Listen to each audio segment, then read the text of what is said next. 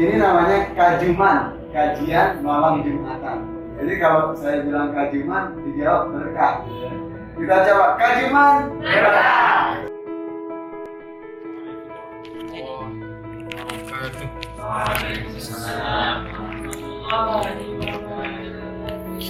الحمد لله رب العالمين الحمد لله على ما هدانا بالإيمان والإسلام والإحسان الحمد لله على كل حال وفي كل حال. الحمد لله على ما أعطيتنا في حياتنا وبعد ما أماتنا الحمد لله على ما فينا وما فيكم. والصلاة والسلام على سيد المرسلين وخاتم النبيين وهو سيدنا ومولانا محمد صلى الله عليه wasallam. Alhamdulillah pada malam yang berkah. Insyaallah seperti yang tadi diucapkan oleh moderator kita. Malam yang penuh keberkahan insyaallah yang mana malam ini adalah Sayyidul Ayyam. Kalau uh, besoknya adalah yaumnya ada Sayyidul Lailah uh, atau bisa juga disebut dengan adiknya Lailatul Qadar. Allah Subhanahu wa taala jadikan setiap hamba-hambanya itu kelebihan-kelebihan. Begitu pula terhadap mah, semua makhluk-makhluknya, terhadap hewan, hatta terhadap langit, hatta terhadap para anbiya, hatta terhadap hari dan tahun itu Allah Subhanahu wa taala jadikan ada tingkat-tingkatan sebagaimana satu satu hari yang paling mulia dalam satu tahun kita tahu semua yaitu Yaumul Arafah Masya Allah itu kalau sebut Arafah itu bergetar saya. Karena kangen beliau kayaknya kita doain segera bisa wukuf di Arafah. Itu salah satu doa. Ya semua ini. Nanti di akhir saya doakan semua. Dengan doa khusus kemudian hari yang paling mulia dalam satu tahun yang disebut dengan Yaumul Arafah, kemudian hari apa hari yang paling mulia dalam satu minggu yaitu Yaumul Jum'ah seperti hari kita dan malam ini. Kemudian malam yang paling mulia. Jadi setiap uh, nama itu memiliki ketua-ketua sebagaimana kita desa punya uh, kades, kemudian uh, kecamatan punya bupati sampai kepada pemerintah atau presiden. Begitu juga dari hari memiliki ketua yaitu hari Arafah. Jadi semua semua hari yang kita lalui itu ada ketuanya. Apa? Mana ketuanya? Yaumul Arafah. Tanggal 10 Zulhijjah. Kemudian dalam satu minggu, minggu-minggu yang kita lalui dalam satu tahun ini, kita juga dia juga memiliki ketua. Mana itu ketuanya? Yaumul Jumat. Kemudian dalam bulan-bulan yang kita lalui ada ketuanya. Mana ketuanya? Syahrul Ramadan, Syahrul Quran, Syahrul Qiyam. Kemudian dalam satu tahun, tahun-tahun yang kita lalui itu juga memiliki ketua. Yang mana tahun-tahun yang ter apa yang termulia dalam hidup kita adalah akhir hidup kita. Karena sesungguhnya seluruh manusia yang diciptakan oleh Allah Subhanahu wa taala bukan dilihat orang pancornya, bukan dilihat orang lotengnya, tapi apa? Bagaimana kita mengakhiri kehidupan ini. Jadi teman-teman ini memiliki hari tahun yang paling mulia. Mana tahun kalian yang paling mulia? Adalah akhir kehidupan kalian. Nah, kalau ada di teman-teman ini salah satu apa ciri-ciri orang sudah mau meninggal tahun terakhirnya itu banyak diam. Nah, yang banyak-banyak diam ini siap-siap sudah. Tapi jangan ribut ya, kalau karena ada waktunya saat Nah, alhamdulillah. Kemudian tadi kita dikasih judul untuk bercerita.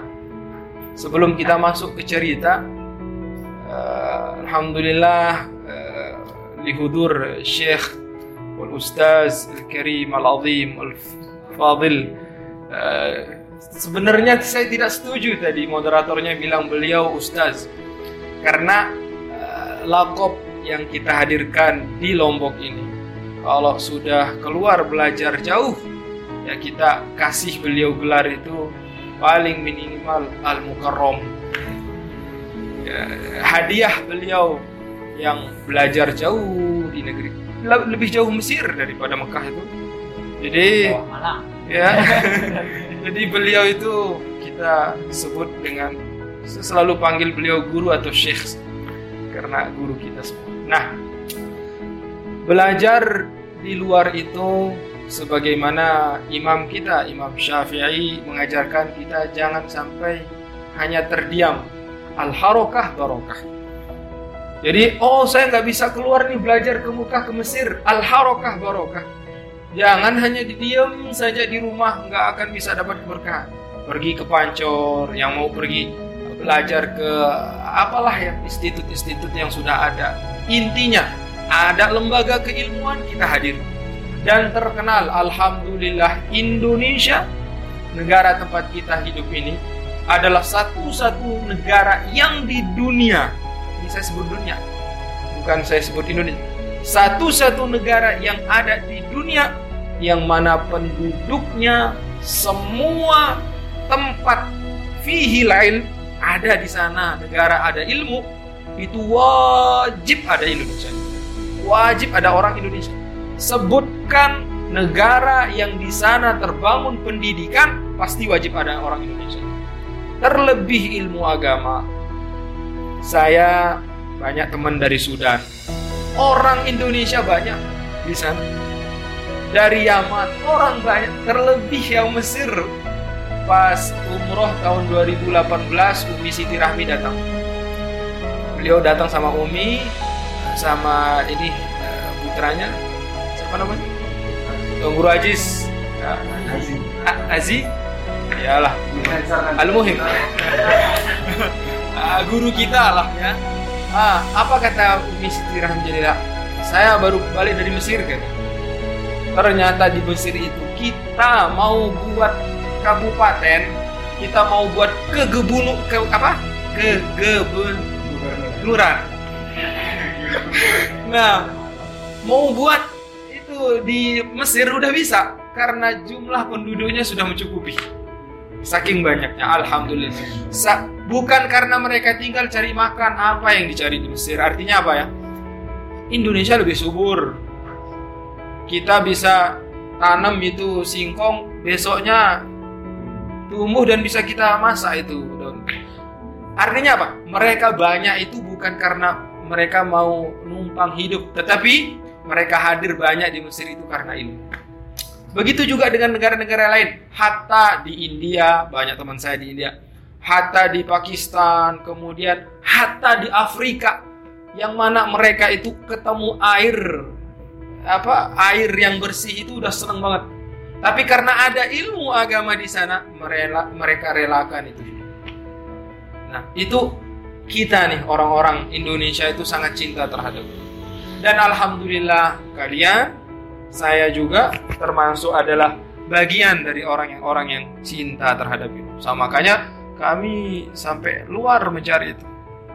Nah, ketika saya sampai di Mekah, dulu sebelum saya pergi ke Mekah, ada dua pesan yang tidak pernah saya lupakan dan berkesan. Pesan dan berkesan. Dari masyaih kita, sebelum saya berangkat, saya video call dulu sama syekh ini. Beliau itu udah naik balik dari Mesir, saya ingat. Kita video call, beliau baru balik dari Mesir pakai mobil. Ah, kita baru balik dari uh, sekolah ini. Oh, dari sana saya tanam niatnya Allah kapan saya bisa mengikuti beliau tapi Alhamdulillah saya matur ke Tuan Guru Mustafa saya pengen sekolah ke Mekah akhirnya ada paman saya sekolah di sana beliau aja yang manggil saya di depan Ka'bah jadi ini sebentar lagi saya mau balik. Jadi teman-teman Alhamdulillah bisa ketemu sama saya. Jadi insya Allah kalian yang hadir semalam ini saya nanti panggil di depan Ka'bah hadiahnya ya intinya secara umum ya saya bisa tahu lah muka-muka. Kayak hadir di majelis kajuman gitu. ya majelis kajuman. Gitu. nah alhamdulillah ya.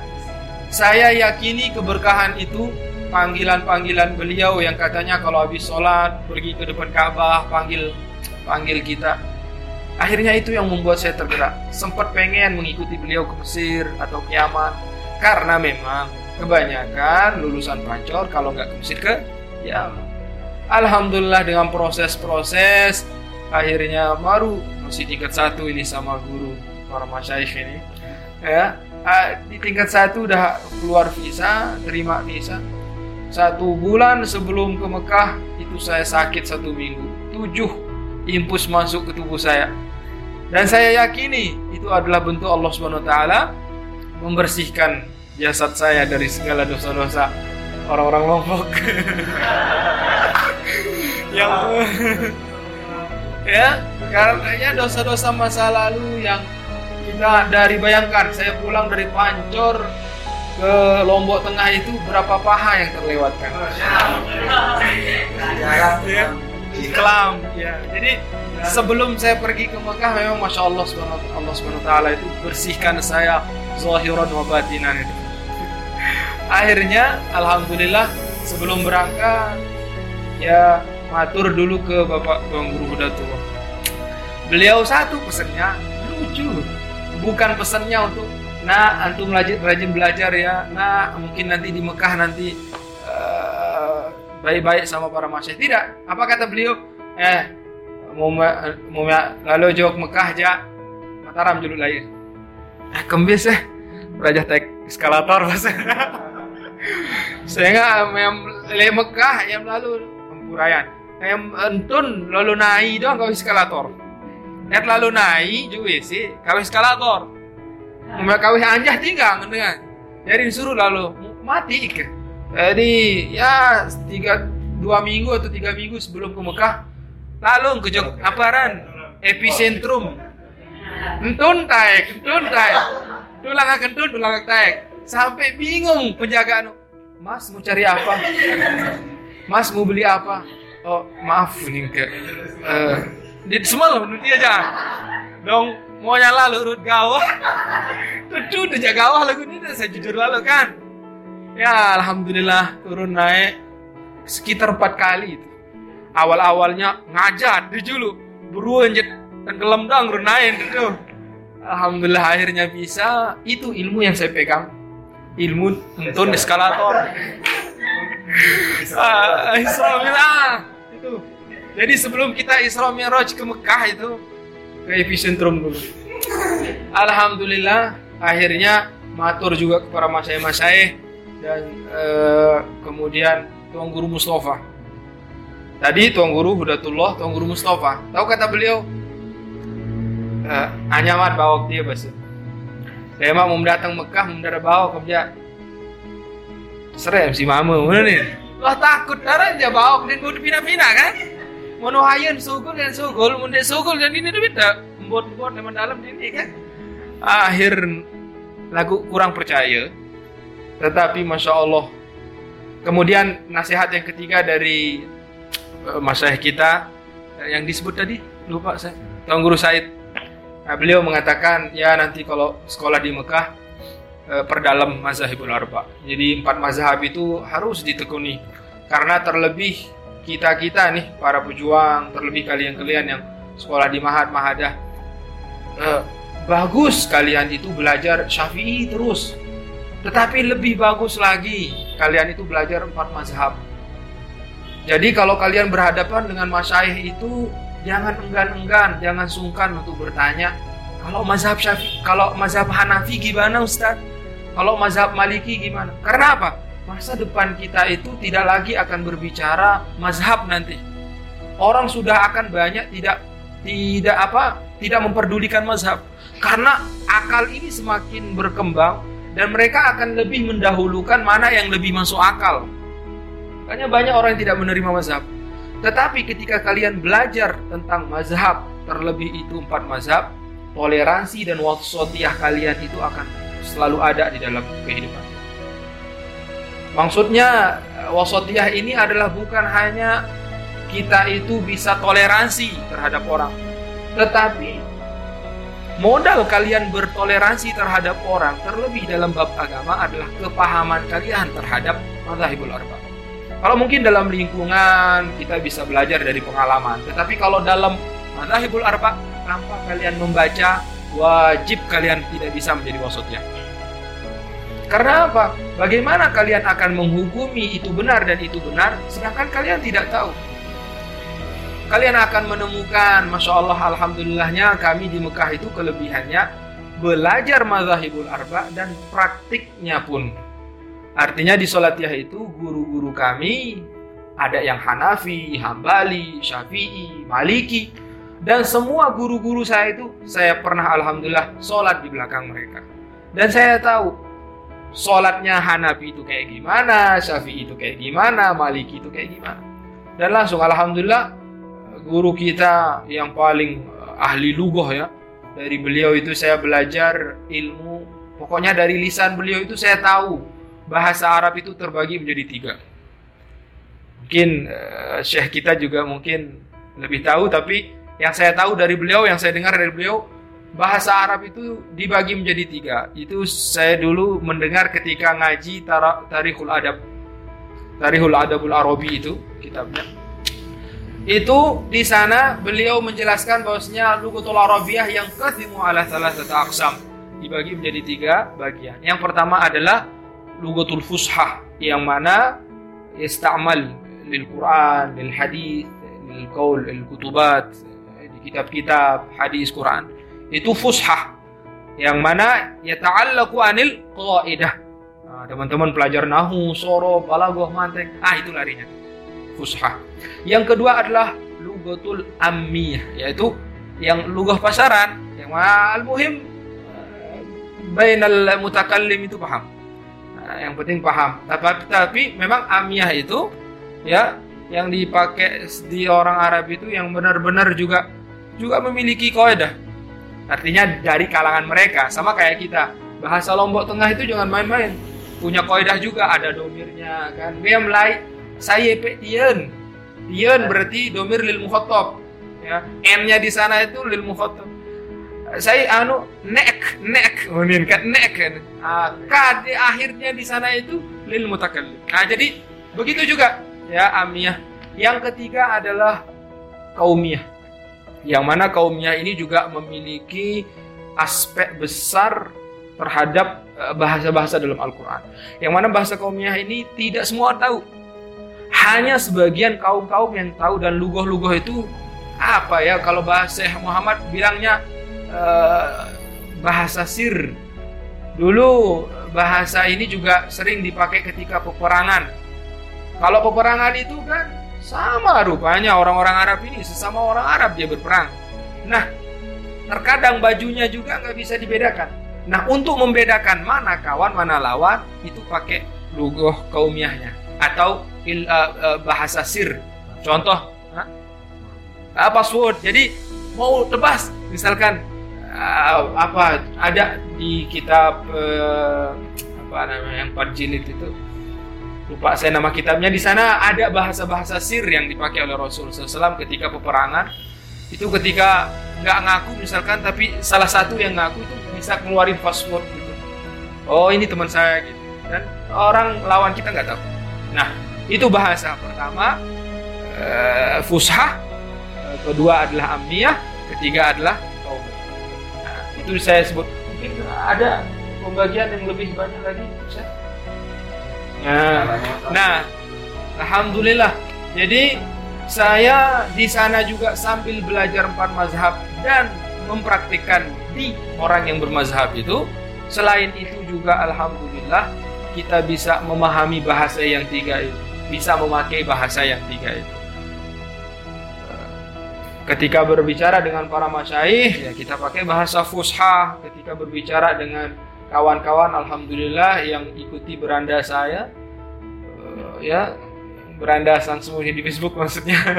nah, salah satu nih sebagai bekal untuk teman-teman yang mau keluar, terserah mau keluar ke Kalimantan atau keluar lagi ke luar negeri inti yang saya pengalaman saya kalian itu jangan pernah canggung berbaurlah bahasa kerennya itu sapel supel.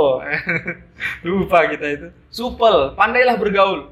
Karena dengan pergaulan itu kalian itu bisa mendapatkan banyak faedah.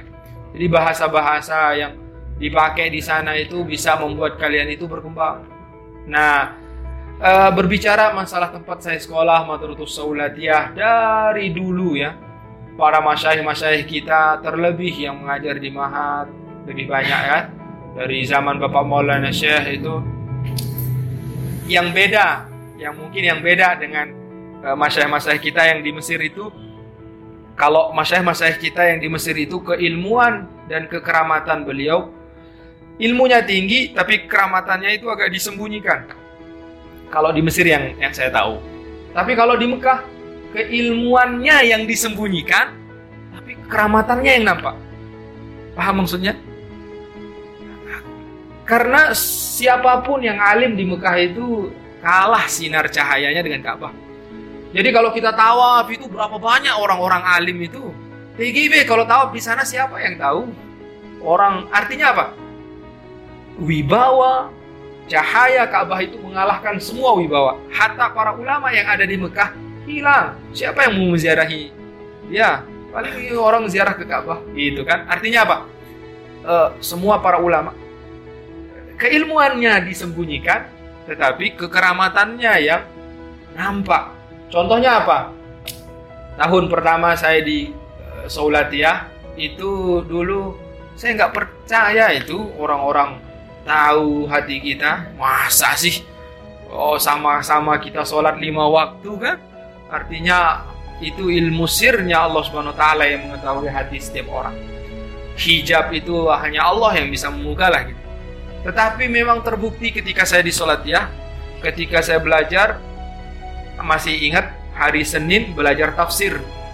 Itu ketika masuk kelas, Syekh kami yang namanya Syekh Mahlayan, nanti tahu salah satu masyaih kita yang ada di sholat ya. Kini dia, biasanya kalau sudah masuk kelas, ya Allah agra. Iftahul kitab, agra. Kalau musannifur rahimah, pokoknya lanjut sampai Biasanya seperti itu. Tetapi tumben-tumben pada hari itu duduk diam beliau. Terus dimajukan tubuhnya. Duduk kita seperti sini sudah. Kalau di Sulatiah itu cuma lebih mendekat kepada masyaih. Nah, kayak kalau di Mahat pakai bagu ya. Kalau di sana duduk di bawah para masyaih. Akhirnya beliau diam sambil lihat mata-mata kita ini sambil deg-degan kita kan dilihat para mas di, dilihat sama beliau. Katanya diingusin. Kayak orang yang ada yang nggak mandi gitu. Siapa yang belum sholat keluar kata beliau. Siapa yang belum sholat subuh keluar sholat. Kalau nggak keluar saya yang sebut nama kalian. Saya yang sebut nama kamu. Berpikir kita masa saya yang belum sholat? Udah sholat atau mungkin sholat itu saya nggak diterima merasa jadinya kan ah, masa kita ini semua nunduk? Tiga kali beliau mengatakan siapa di antara kalian yang belum sholat keluar? Kalau nggak keluar saya yang sebut namanya. Kalau saya keluar kalau kita yang keluar kan udah kita sholat. Tapi masalah diterima atau tidaknya kan nggak tahu lagi. Akhirnya satu orang Burma itu berdiri keluar. Ternyata memang itulah kekeramatan beliau kasyaf para masyayikh kita di sana itu. Yang nggak sholat aja ditahu sama beliau. Tapi belum belum hakul yakin itu saya masih agak baina-baina lah. Ini bener gak sih? Atau nebak-nebak gitu. Tetapi hari berikutnya ada namanya Syekh kita Syekh Mustafa Ahli Lugoh. Beliau dari Maghrib. Eh, ketika hari eh, pagi-pagi baca-baca kita ada teman balik dari wudhu. Ah katanya ditunjuk langsung. Mada lail kata. Apa gawe mau biano nih? Langsung nunduk malu beliau beliau yang ditanya. Beliau uh, udah tua itu yang sekolah. Jadi di Selatiah itu bukan dilihat umur ya. Kalau kalian belakangan datang ya bawahan kelasnya. Di teman-teman kelas saya ada yang S3 ada yang udah kiai. Sekarang kiai yang terkenal di Madura itu teman kelas saya. Jadi mereka udah memang benar-benar ke Selatiah bukan untuk ijazah dan apa-apa tapi mau berkah dan mau mengambil ilmunya. Nah akhirnya ditunjuk Mada fa'altu fil katanya. Apa yang kamu kerjakan tadi malam? Nunduk ternyata memang malam-malamnya itu dia pergi ke Jeddah. Apa yang dikerjain? Namanya juga orang tua kan? Eh, dia pergi ya cuci mata katanya. Cuci mata aja udah ditegur sama beliau. Apalagi yang hal yang lainan. Jadi teman-teman yang mau nih Iki mau pergi ke Mekah sekolah ke Mekah hati-hati Jangan bawa kebiasaan di sini ngincang-ngincang di sana. Besoknya bisa dibaca. Nah, alhamdulillah dengan seiring perjalanan di Solatiyah itu keras. Kalau tahun pertama itu berapa kali saya nelpon ke rumah pengen berhenti sekolah karena hafalannya itu paling minimal 5 lembar per hari. 5 lembar per hari. Jadi misalkan 5 nih pelajaran besok pagi. Itu lima-limanya ada hafalannya. Jadi harus benar-benar saya mikirnya dulu di mualimin kan kalau terlalu banyak tugas bisa protes. Oh, banyak tugas nih sekali kan. Kalau di Salatiah enggak. Kalau memang udah di tugas sudah selesai semua. Nah, ketika itu lima pelajaran, satu yang saya nggak hafal, paroid. Nggak tahu saya paroid baru masuk baru masuk mahat ya. Artinya tahu sebatas nama lah nggak belajar.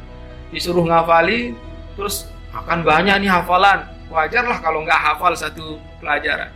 Pas nggak pelajar, sa, sa, satu atau pertama awal mula saya dipukul oleh guru dari SD sampai saya di Mekah. Itu pertama saya dipukul. Dipukul pakai selang gas yang keras itu. Tahu selang gas yang keras itu? Itu disebut lay. Hard lay katanya Syekh itu. Ambilkan saya selang katanya. Diambil selang itu, dipukul tangan saya sampai merah. Itu tinggal sedikit mau keluar darah udah bercara-cara. Tak, tak gitu itu gara-gara nggak hafal. Allah dari sana ya Allah. Kalau mau ngafal itu nggak pernah saya ngafal di rubat di ribat saya. Pasti ke, ke depan Ka'bah. Kalau nggak bisa hafal datang ke Ka'bah. Bentur-benturin kepala di Ka'bah itu. Masya Allah. Saking apa? Kepercayaan dan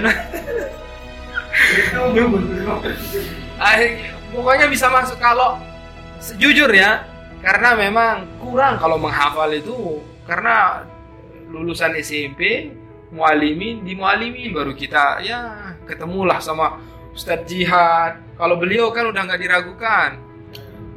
Dari dia belum masuk ke mualimin itu masih pendaftaran.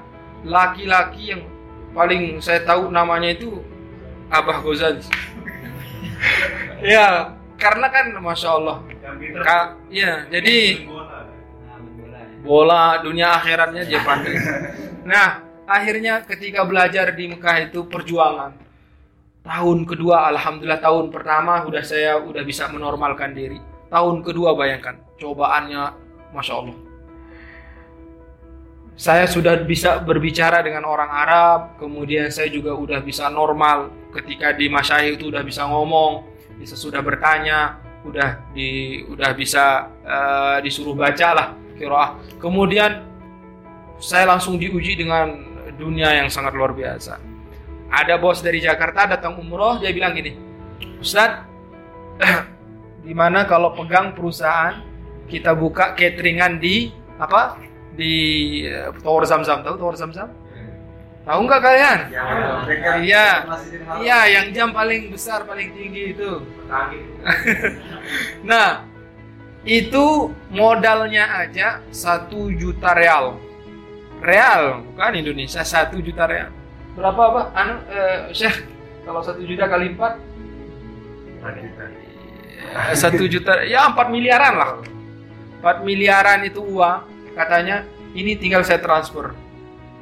Kalau Ustadz mau pegang kita udah punya apa konsumen karena jamaah umroh kan tetap ada. Jadi konsumennya udah ada tinggal saya itu jadi manajernya di sana. Dan gaji saya bayangkan satu minggu enam ribu. enam ribu real saya ah, saya enam ribu real itu kalau di Indonesia kan ya enam kali empat berapa? Dua puluh dua puluh empat juta. Enam kali empat Iya, 24 jutaan per per minggu saya menghasilkan 24 juta bayangkan. Tetapi menjadi pertimbangan, ah sukses wah nih. Kalau udah gaji segitu mah sukses kita. Tapi ternyata kesuksesan itu bukan itu ukurannya. Akhirnya saya nelpon ke keluarga, semua dirembukin, saking seriusnya mau megang. Akhirnya tetapi orang tua alhamdulillah dia ada bekal agama dia bilang itu cobaan namanya juga usaha belum tentu antum bisa lulus satu bulan dua bulan kalau bangkrut gimana pusing kepala bukan yang 24 masuk malah berlipat ganda yang harus dikeluarkan kan. Sabar, itu cobaan dalam belajar. Akhirnya, tapi syaratnya memang harus nggak sekolah. Jadi tinggalin sekolah, pilih kerja gitu. Akhirnya saya pilih sekolah. Belajar di Selatiah selama 4 tahun lebihnya. Alhamdulillah tahun ketiga bisa menghajikan orang tua, tahun keempat mengumrohkan mereka. Min ya tasib. Jadi teman-teman selama saat ini terlebih di Mahat ya cobaan kalian menikahlah, cobaan kalian yang di apa yang di uh, para uh, institut-institut agama Islam dan ISTKIP ini kan banyak cobaan nih. Lapangan kerja mungkin yang hadir dan lain sebagainya. Fokuslah dulu. Selesaikan dulu pendidikan kalian. Ada titik terangnya nanti. Gitu. Di Mekah Al Mukarramah itu yang kalian perlu belajar ya. Di sana banyak ya kalau mau ini kan bab kajuman ya. Kajuman sebanyak-banyak walaupun patah bahasanya itu kayak yang Syekh Ghazali sholat di Mesir nggak bisa kalahin sekali kita sholat di Ka'bah. Artinya apa? Eh, kelebihan foto ilahnya, tetapi memang beda-beda kehusuan lagi. Semua tempat itu fikul limakan yang ada di Mekah maupun di Madinah itu kita selalu hadir apa dapatkan keberkahan. Nah, salah satu cerita lucu ya. Semua tempat kita ke sana ada tempat berkahnya, ah, semua semua tempat-tempat yang ada di Mekah itu hatta perjalanan dari Mekah ke Madinah itu semua memiliki sejarah-sejarah. Terlebih itu adalah perjalanan baginda Nabi SAW. Ada saja kaitannya dengan agama ini. Jadi kalau mau uh, pandai artinya mau kaya dengan sejarah, hidup di Mekah sudah kaya sudah dengan sejarah. Terlebih lagi pergi ke Mesir, peradabannya yang luar biasa. Nah, uh, salah satu tempat yang berkah di Ka'bah itu apa namanya? Uh, Jabal Jabal Rahmah, eh, Jabal kasih sayang yang terkenal di sana itu tempat bertemunya Nabi Adam dan Siti Hawa. Jadi yang lama-lama punya jodoh pergi ke sana. Tapi memang jamaah-jamaah umroh itu kalau yang datangnya itu adalah yang para-para jomblo, kemudian pasti yang pertama ditanyakan sama kita sebagai pembimbing itu, Ustadz, kapan kita ke Jabal Rahmah? Karena itu sudah tujuannya mau berdoa di sana agar dekat jodoh.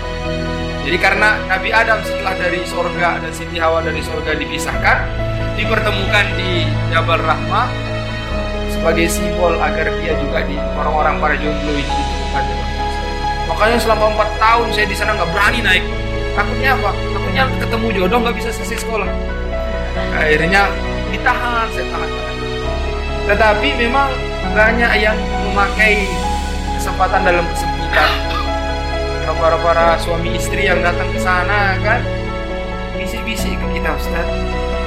E, nanti di depan Jabar Rahma doain kita akan nama istri lagi kan? Tapi kan nanti dia sama istrinya itu. Kalau ditahu kan pasti marah. Tapi dia punya akal. Ustaz pakai bahasa Arab Ustaz katanya. Kita doain tuh. Namanya juga Ustaz. Ya apalagi di Ustaz ini untuk belanja Ustaz katanya kan? Jadi nggak mungkin kita nolak. Akhirnya doa-doanya kita sampaikan. Ketika kita doa di depan Ka'bah Allahumma rzuquhu zaujatan salat waziduhu zaujatan salat Tam, kasih dia perempuan yang soleha. Kemudian juga tambah dia tambahkan dia istri gitu kan. Kemudian karena pakai bahasa Arab istrinya pun amin nggak pakai aminnya pakai amin gitu. Tangisan ternyata memang perlu nih para perempuan belajar bahasa Arab. Para ini para pengkhianat pengkhianat bisa saja dia ada habis sholat dia nangis nangis doanya. Kalian ikut nangis nggak tahu artinya. Nah itu pentingnya bahasa Arab. Nah, kan aib kalau kita pakai bahasa bahasa Indonesia doa. Ah banyak pokoknya pengalaman-pengalaman yang nanti kalau mau tahu lebih lanjut lebih baik tanya lah kalau saya urutkan satu-satu persatu Mekah dan Madinah itu berbicara keberkahan, fadilah itu nggak selesai-selesai. Fi kulli khutwatin, fi kulli makan, fi kulli manazir. Setiap apa yang kita lihat itu semua juga ada. Hatta salah satu kebiasaan guru kita Syekh Hasan Al Mahsyad itu ketika mau tawaf itu kalau sudah sampai di rukun yamani sebelum masuk rukun yamani beliau sholat dua rakaat ta'ziman wa takriman lil malaikah yang mana di rukun yamani itu malaikat 70 malaikat yang senantiasa mengatakan amin amin. Kalau kita berdoa ya Allah dekatkan jodoh. Amin kata malaikat. Nggak ada tugasnya. Karena malaikat itu imannya itu satu. Artinya la yazidu wa la yanqus. Tidak bertambah tidak berkurang. Kalau kita kan yazidu wa yanqus. Bertambah berkurang. Kalau nabi yazid wa la yanqus. Jadi uh, itulah kefadilahannya pokoknya tidak ada hentinya. Nanti bisa ditanyakan lah ya